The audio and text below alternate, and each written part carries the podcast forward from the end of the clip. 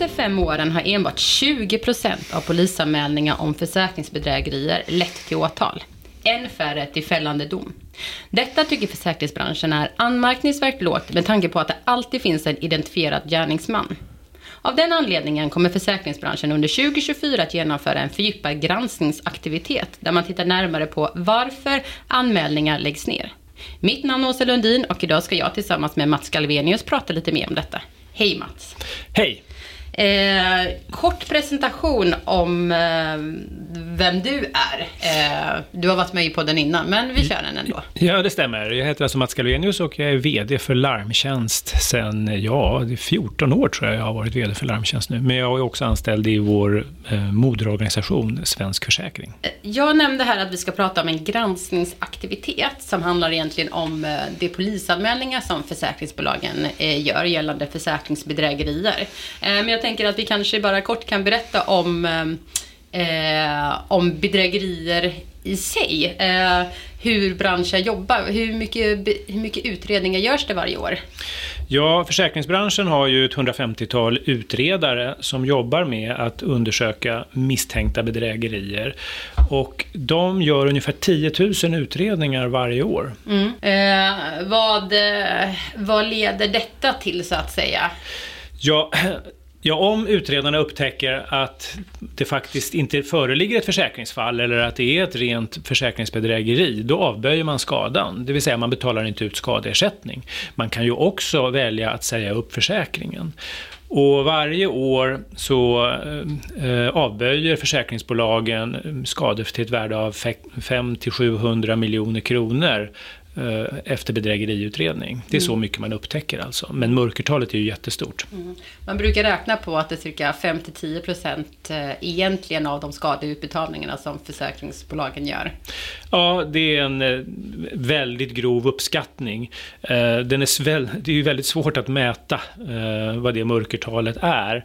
Men vi brukar säga 5-10 procent och det bygger man på bland annat attitydundersökningar. Det bygger på lite undersökningar och vetenskapliga studier studier både från Sverige och andra länder, men de är ganska gamla. Mm. Men eh, om det är 5-10 procent, vilket ju inte är helt orimligt, då pratar vi alltså ja, någonstans 3-5 miljarder kronor. Kanske uppåt 7 miljarder kronor. Så det är väldigt stora belopp. Mm, mycket stort mörkertal där också. Mycket stort mörkertal. Om man tittar på eh, vart de här eh, bedrägerierna görs, inom vilka försäkringskategorier hittar man bedrägerierna?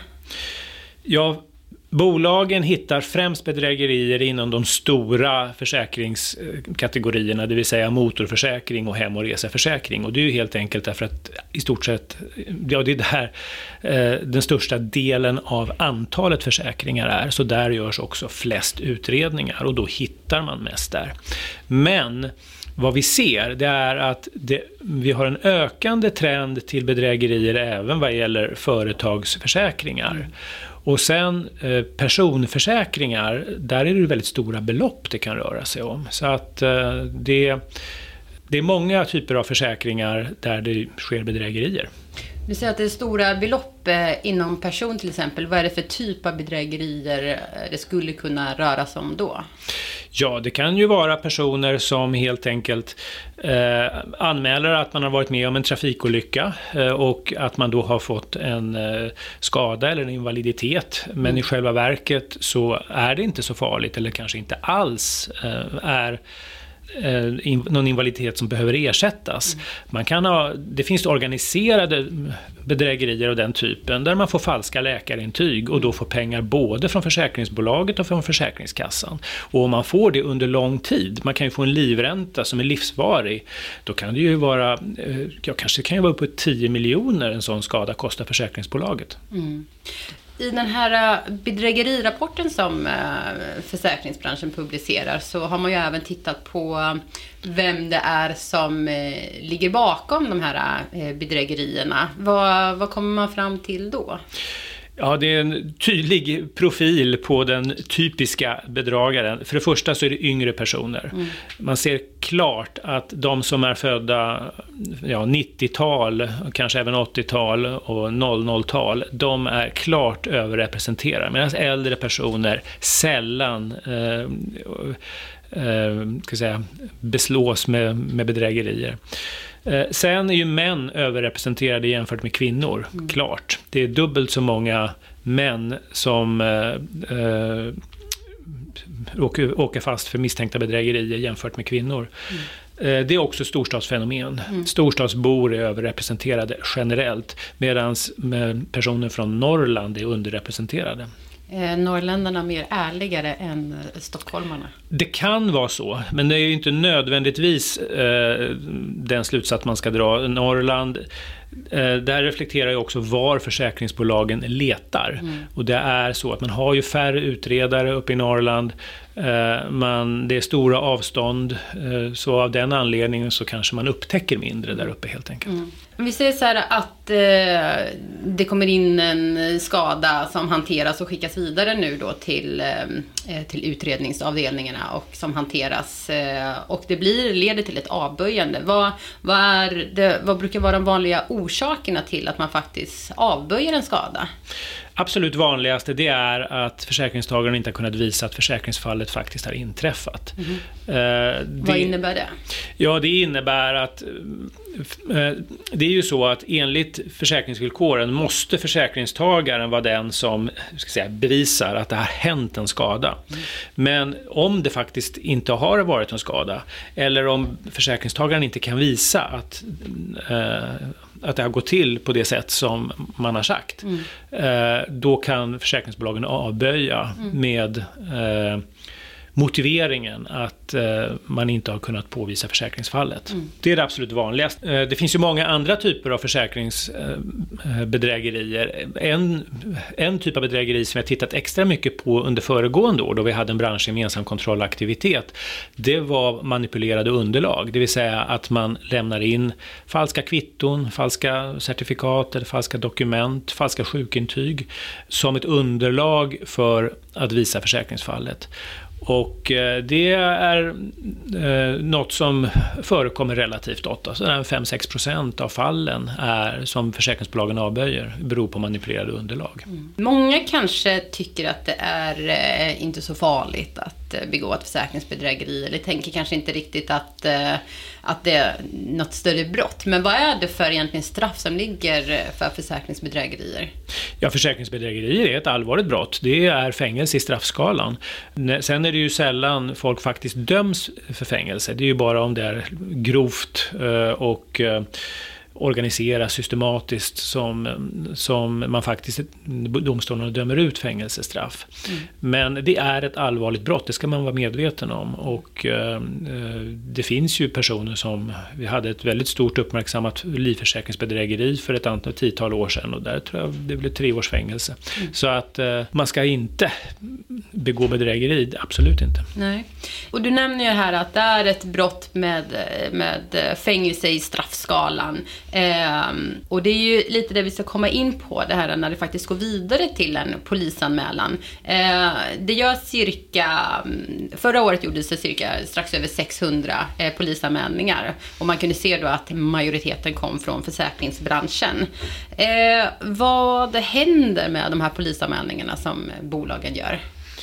Ja, en ganska stor andel av de som eh, skickas in polisanmälningarna direktavskrivs av polisen, vilket vi tycker är väldigt överraskande. Därför att vi ska komma ihåg, de här utredningarna det görs av utredningsinspektörer på försäkringsbolagen som i nästan samtliga fall är poliser i grunden. Så mm. de vet hur man ska skriva polisanmälningar, de vet så, vad som krävs för att visa att det faktiskt är ett, påvisa att det är ett bedrägeri. Det vill säga, de har tidigare varit poliser? De har tidigare, mm. förlåt, de har tidigare varit poliser. Mm. Och, eh, så de skriver bra polisanmälningar mm. och de, eh, man, man bifogar alla de dokument som behövs för att påvisa bedrägeriet. Ändå direkt avskrivs en väldigt stor andel direkt. Mm. och även om det sen Eh, leder till förundersökning så är det stora, den största delen av de här förundersökningarna läggs också ner. Så det är bara 20 procent som man väcker åtal. Mm. 80 procent av de polisanmälda försäkringsbedrägerierna läggs ner, antingen direktavskrivs eller läggs ner efter förundersökning. Jag tänker om man går tillbaka till det här med att att eh, alla kanske inte förstår att eh, eh, försäkringsbedrägeri, man lägger till något extra i sin skada till exempel, att det faktiskt är ett fängelse i straffskalan. När det samtidigt då läggs ner så mycket av den här typen av bedrägerier, vad skickar det ut för, ehm, för signaler till, till allmänheten? Ja, vi tycker ju att det skickar helt fel signaler. Eh, signalen att visst, pröva gärna, eh, det kommer antagligen inte att hända något. Mm. Eh, försäkringsbolagen har ju ökat sin utredningsverksamhet under senare år. Vi utreder mer, hittar mer. Eh, och vi tycker nog att även rättssystemet skulle behöva snäppa upp och faktiskt ta det här vidare. Så att åtminstone de, alla de allvarliga, organiserade och systematiska bedrägerierna leder till åtal. Mm. Eh, om vi ser på effekterna hos liksom försäkringsbolagen då, vad, vad sänder det ut för signaler där om man sitter som bolagsutredare och anmäler men så händer det ändå ingenting? Ja, risken är ju att man helt enkelt slutar polisanmäla därför man tycker det är tröstlöst att mm. få tillbaks de här eh, polisanmälningarna, avskrivningsbeslut med vändande post mm. och ingen har gjort någon utredningsåtgärd eh, från polisens sida. Då, då tröttnar man ju på det och tycker att det är bara ett extra arbetsmoment. Mm. Och då tänker man att ja, okej, okay, det räcker väl då med att vi eh, avböjer skadeersättningen och säger upp försäkringen och det får vara straff nog för mm. den enskilde individen. Men vi från, från branschorganisationernas sida tycker att det är jätteviktigt att faktiskt polis och rättsväsende också agerar. Mm.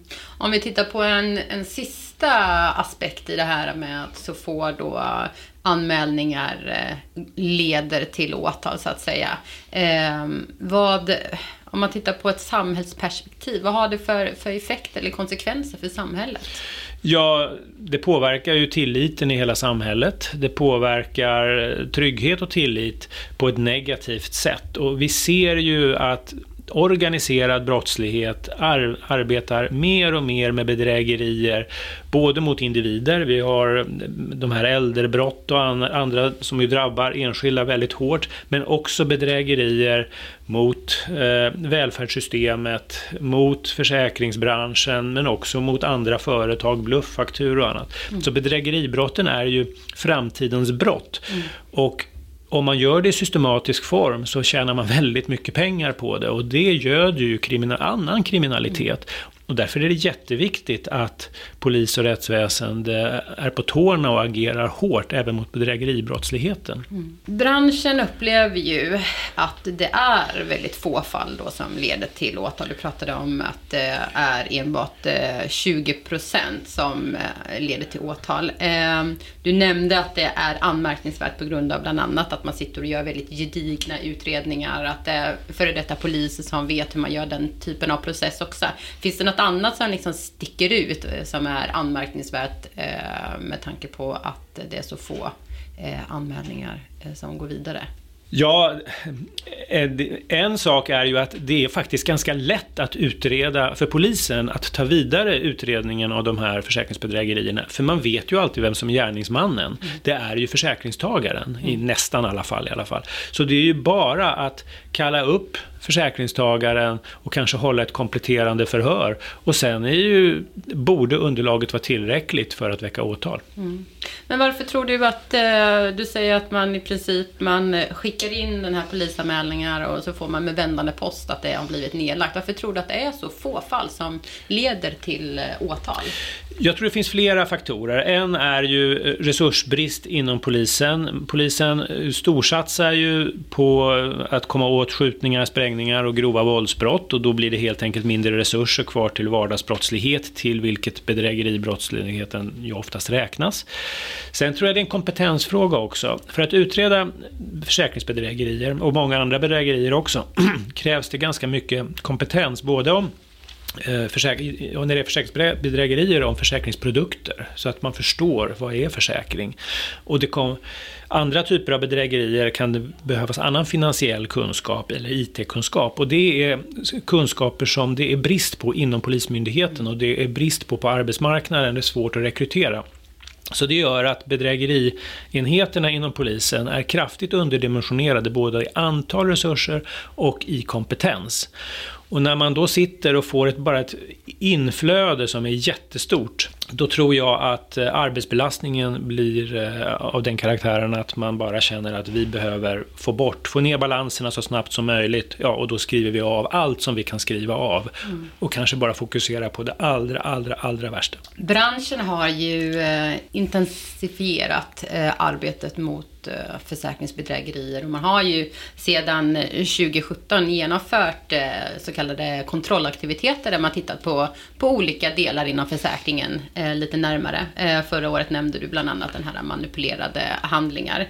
Under, under 2024 i år ehm, så kommer vi ju som sagt, eh, kommer branschen att titta närmare på eh, polisanmälningarna som görs. Eh, kan, du, ehm, kan du berätta lite om den här granskningsaktiviteten som man ska göra? Ja, som du nämnde så gör vi varje år en branschgemensam aktivitet där vi fokuserar utredningsresurser på något särskilt problem. Eh, ofta, eller ja, hittills har alla de här branschgemensamma eh, aktiviteterna riktat sig mot typer av bedrägerier, alltså mot eh, utredningar, man fokuserar utredningarna mot försäkringskunderna på ett särskilt område, till exempel bilbränder eller arrangerade trafikolyckor eller manipulerade underlag. Men i år har vi valt att istället granska polisen, eh, eftersom vi inte tycker att vi får det stöd vi behöver för att ta de här utredningarna vidare i rättskedjan. Eh, och därför så kommer vi att under kommande år, eller innevarande år ska jag säga, titta på alla avskrivningsbeslut. Det vill säga, vi följer upp alla polisanmälningar, kollar vilka eh, avskrivningsbeslut som eh, polisen har eh, angett när man mm. har, för att inte driva en utredning vidare. Och sen ska vi göra en bedömning om de här av, avskrivningsbesluten är rimliga eller inte. Mm. Och sen ska vi återkoppla detta till Polismyndigheten.